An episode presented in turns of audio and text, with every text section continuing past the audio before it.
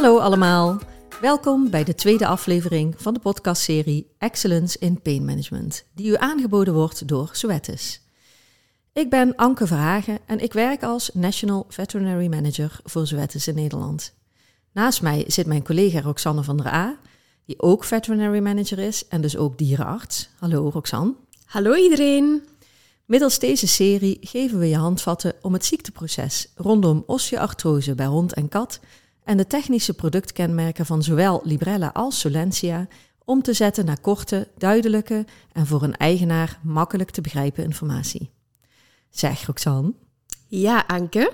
Mijn kat hè, die komt dus altijd liefst op mijn toetsenbord liggen. Waarom zit hij eigenlijk graag achter de laptop? Goh, misschien omdat het toetsenbord lekker warm is om op te liggen? Dat zou je denken, hè? maar nee, dat is omdat ze dan lekker met een muis kan spelen. Vandaag gaan we het hebben over monoclonale antistoffen en hoe je aan de eigenaar uit kunt leggen wat dit zijn en wat ze doen. Maar om dat te doen, moeten we eerst eens in de wonderenwereld van de monoclonale antistoffen duiken. Wat zijn monoclonale antistoffen eigenlijk, Roxanne?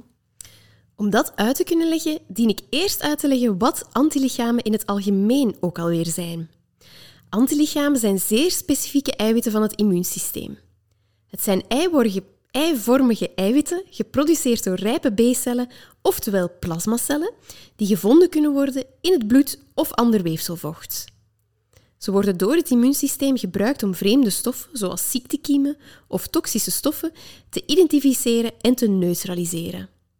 Op basis van dit natuurlijke principe is men in de wetenschap ooit op het briljante idee gekomen om deze antistoffen ook te gebruiken om ziekte te bestrijden.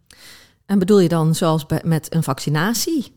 Inderdaad, dat begon natuurlijk allemaal met de ontwikkeling van vaccins, waarbij er een ziektekiem ingespoten wordt en we gebruik maken van de antistoffen die het lichaam zelf tegen deze, tegen deze ziektekiem produceert. Of met sera, waarbij antistoffen van het ene individu gebruikt worden om de ziekte bij het andere individu te bestrijden. Zoals bijvoorbeeld bij tetanus wel bekend is. Hey, uh, Roxanne, je houdt ons wel in spanning. Want wanneer kwamen we nou precies op het idee om monoclonale antistoffen te ontwikkelen? Je zou het misschien niet denken, maar in 1975 zijn er voor het eerst al monoclonale antilichamen in het laboratorium ontwikkeld. In de jaren 90 werden ze voor het eerst gebruikt in de humane geneeskunde. En veterinair dan? Want dat is natuurlijk eigenlijk wat onze luisteraar wil weten. Juist. In 2010 werden de eerste canine antilichamen ontwikkeld voor verschillende therapeutische toepassing bij hondenziekten. En daaruit is in 2016 Cytopoint als eerste door Zoetis gecommercialiseerd. Oh, dus in 2010 voor het eerst ontwikkeld en toch pas in 2016 op de markt.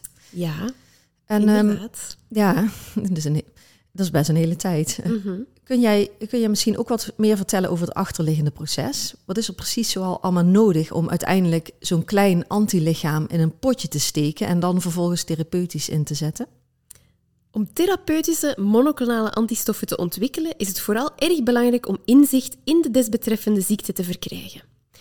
Antistoffen werken tegen een specifiek doelwit, zoals reeds besproken. Dat kan een ziektekiem zijn, maar dus ook een specifiek klein eiwit dat een sleutelrol heeft binnen een betreffend ziekteproces. Je zult dus echt eerst goed in kaart dienen te brengen welke processen er allemaal belangrijk zijn en welke bijvoorbeeld pro-inflammatoire cytokines er zoal allemaal een rol spelen.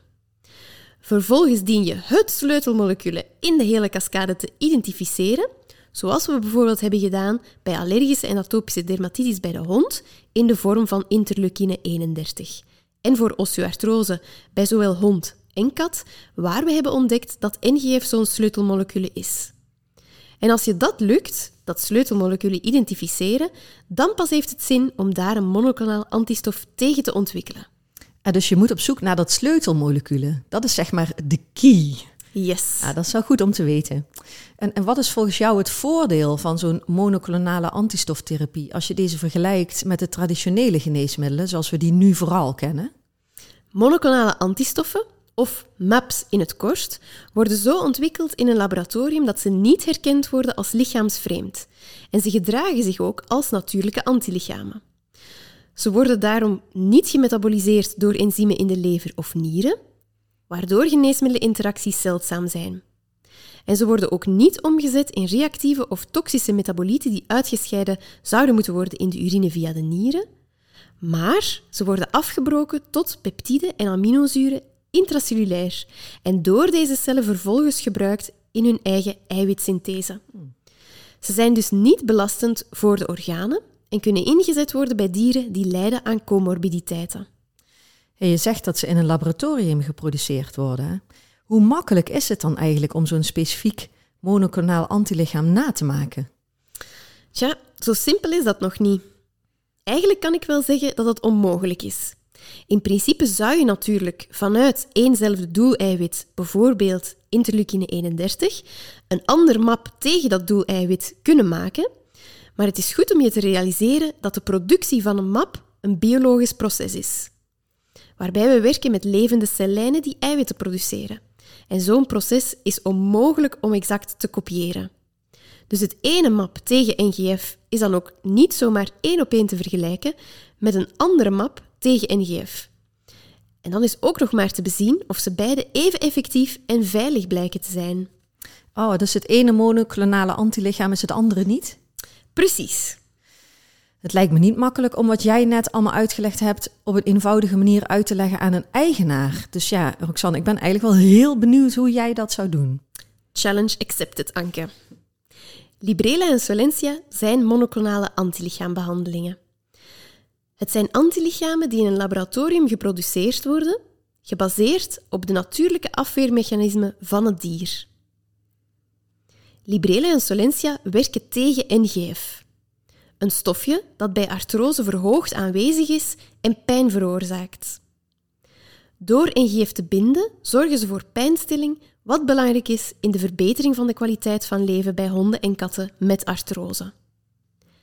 Monoclonale antistoffen zijn erg veilig, omdat ze herkend worden als lichaams-eigen antilichamen, in tegenstelling tot klassieke geneesmiddelen. Oh, wat fijn. Bedankt, Roxanne. Hey, die wondere wereld van de monoclonale antilichamen, dat bleek toch wel een hele boterham te zijn. Maar fijn dat je het zo duidelijk hebt uitgelegd. Heel graag gedaan. Fijn dat je naar deze tweede aflevering van de serie Excellence in Pain Management geluisterd hebt.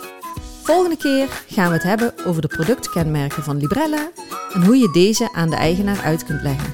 Volg ons op de Excellence in Pain pagina van Zoetis op Facebook of ga naar zoetis.nl of zoetis.be en klik door naar de vetzone.